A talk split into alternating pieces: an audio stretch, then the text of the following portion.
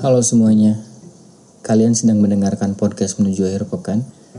Ini adalah episode pertama dari episode berbagi. Episode berbagi adalah cerita-cerita yang dikirimkan oleh teman-teman di Instagram ataupun di email. Uh, jadi ini adalah cerita pertama yang akan saya bacakan.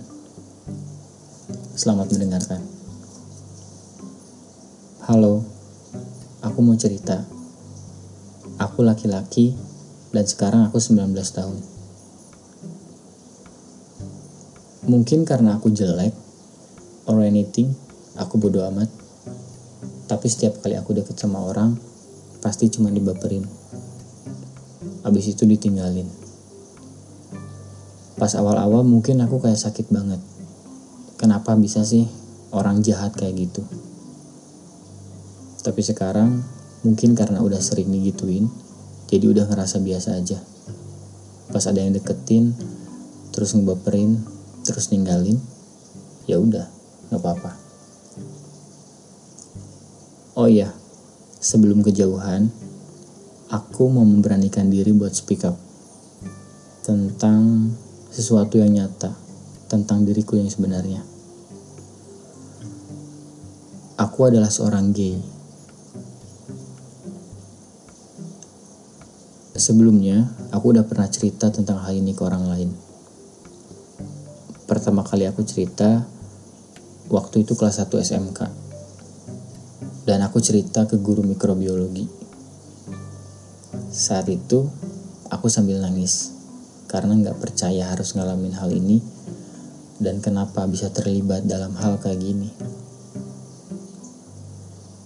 Saat itu juga aku pernah masuk pesantren tujuan awalnya pengen jauh dari sosial media dan pengen lepas sama yang namanya LGBT. Tapi kenyataannya susah banget. Sebulan lebih kalau habis sholat, semua orang di masjid udah pergi dan aku hanya bisa nangis sama Tuhan. Dan hanya bisa bertanya, kenapa aku harus kayak gini? Sebulan itu rasanya sia-sia aja. Aku terus-terusan mikir, Aku ngerasa ini penyakit, tapi kenapa rasanya nggak sakit? Yang namanya penyakit itu pasti ada rasa sakitnya. Sampai akhirnya aku ngerasa ini udah ketentuan yang harus aku lakuin. Aku harus jauhin hal ini. Aku harus bisa. Dan aku juga sempat cerita ke guru ngaji. Dan dia bilang, kita yakin aja sama Allah jauhi maksiat, jangan lupa sholat. Meski akhirnya berani buat terbuka, tapi aku belum berani buat terbuka ke orang tua. Aku takut. Kadang aku mau cerita, tapi mikir lagi. Saat aku cerita ke orang tua, tapi gimana? Saudara-saudara bakalan terima atau enggak? Karena mereka nggak sama semuanya. Apalagi menyangkut nama keluarga tuh pasti susah banget kalau sampai orang lain tahu bisa beda-beda ceritanya. Awalnya aku nggak tahu. Cuma aku suka cowok udah dari kecil banget.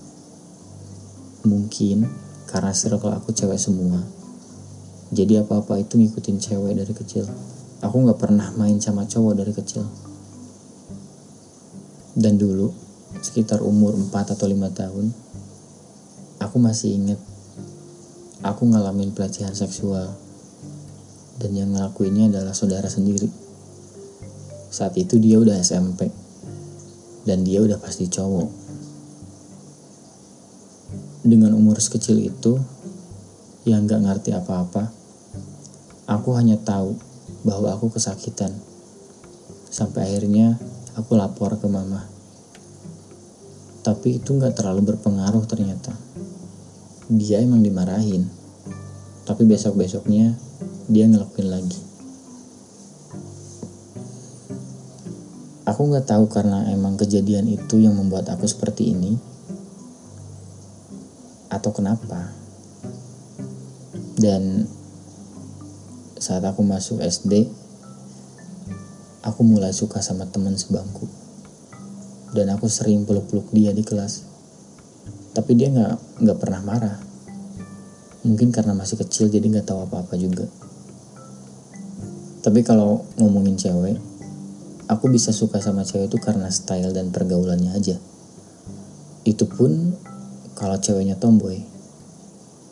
Aku nggak suka sama cewek yang lemah lembut. Kalau sama cewek tomboy, kayak lebih nyambung aja. Aku suka mereka karena mereka tuh simple, nggak ribet. Tapi di sisi lain, aku juga masih kepikiran buat ngelakuin hubungan seksual dengan cewek. Tapi karena aku lebih suka diperhatiin, jadi aku deketnya sama cowok. Kadang kalau cewek harus kita yang perhatian. Meskipun gak selalu kayak gitu. Tapi gak tahu kenapa.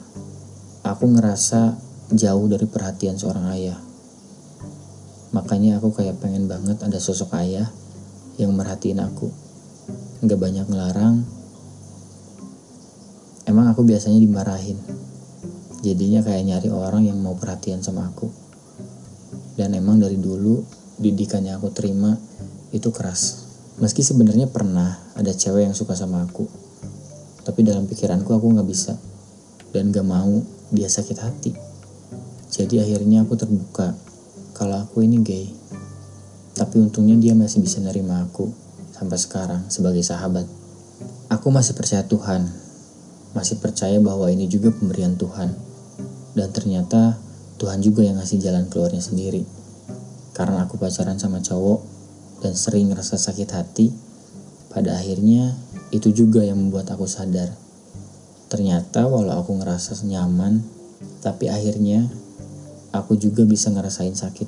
Aku bisa bersenang-senang, tapi setelah itu sakit juga. Sama aja kayak gambaran dunia dan akhirat.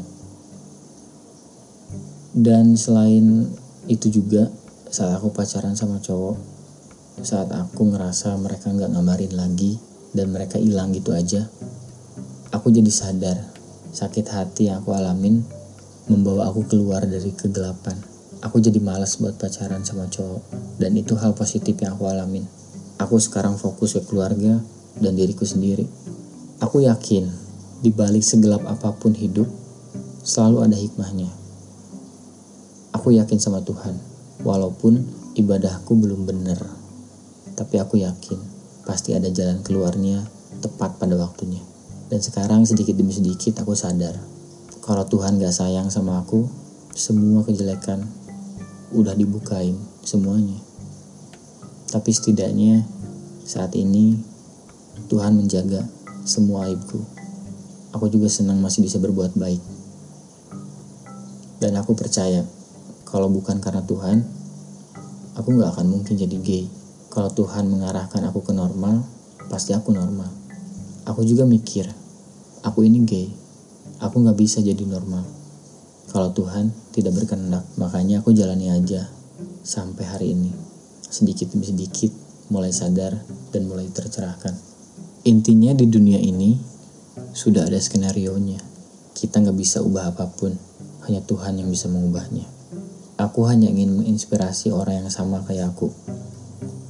Bahwa kita mungkin di mata manusia adalah hina yang sangat besar, tapi nggak boleh putus asa dan terpuruk. Karena di mata Tuhan, kita semua sama. Tuhan tahu apa yang kita rasakan. Aku nggak mau mereka jatuh dan putus harapan. Yang aku rasain perih banget untuk keluar dari rasa terpuruk itu. Kalau aku bisa, mereka juga pasti bisa. Terima kasih. Wow. Uh, terima kasih udah ngirimin ceritanya ke podcast menuju akhir pekan dan saya mengapresiasi sekali kamu udah berani terbuka ke beberapa orang yang kamu percayai termasuk mengirimkan ceritanya uh, saya harap saat ceritanya dibagikan mudah-mudahan ada orang yang terinspirasi dari cerita ini. Mudah-mudahan ada orang juga yang ngerasa termotivasi untuk terus berjuang ke arah yang lebih baik. Dan untuk kamu yang ngirim ceritanya mudah-mudahan secara nggak langsung kamu terbantu juga. Apa pun itu yang sedang kamu lakukan mendapatkan hasil yang terbaik.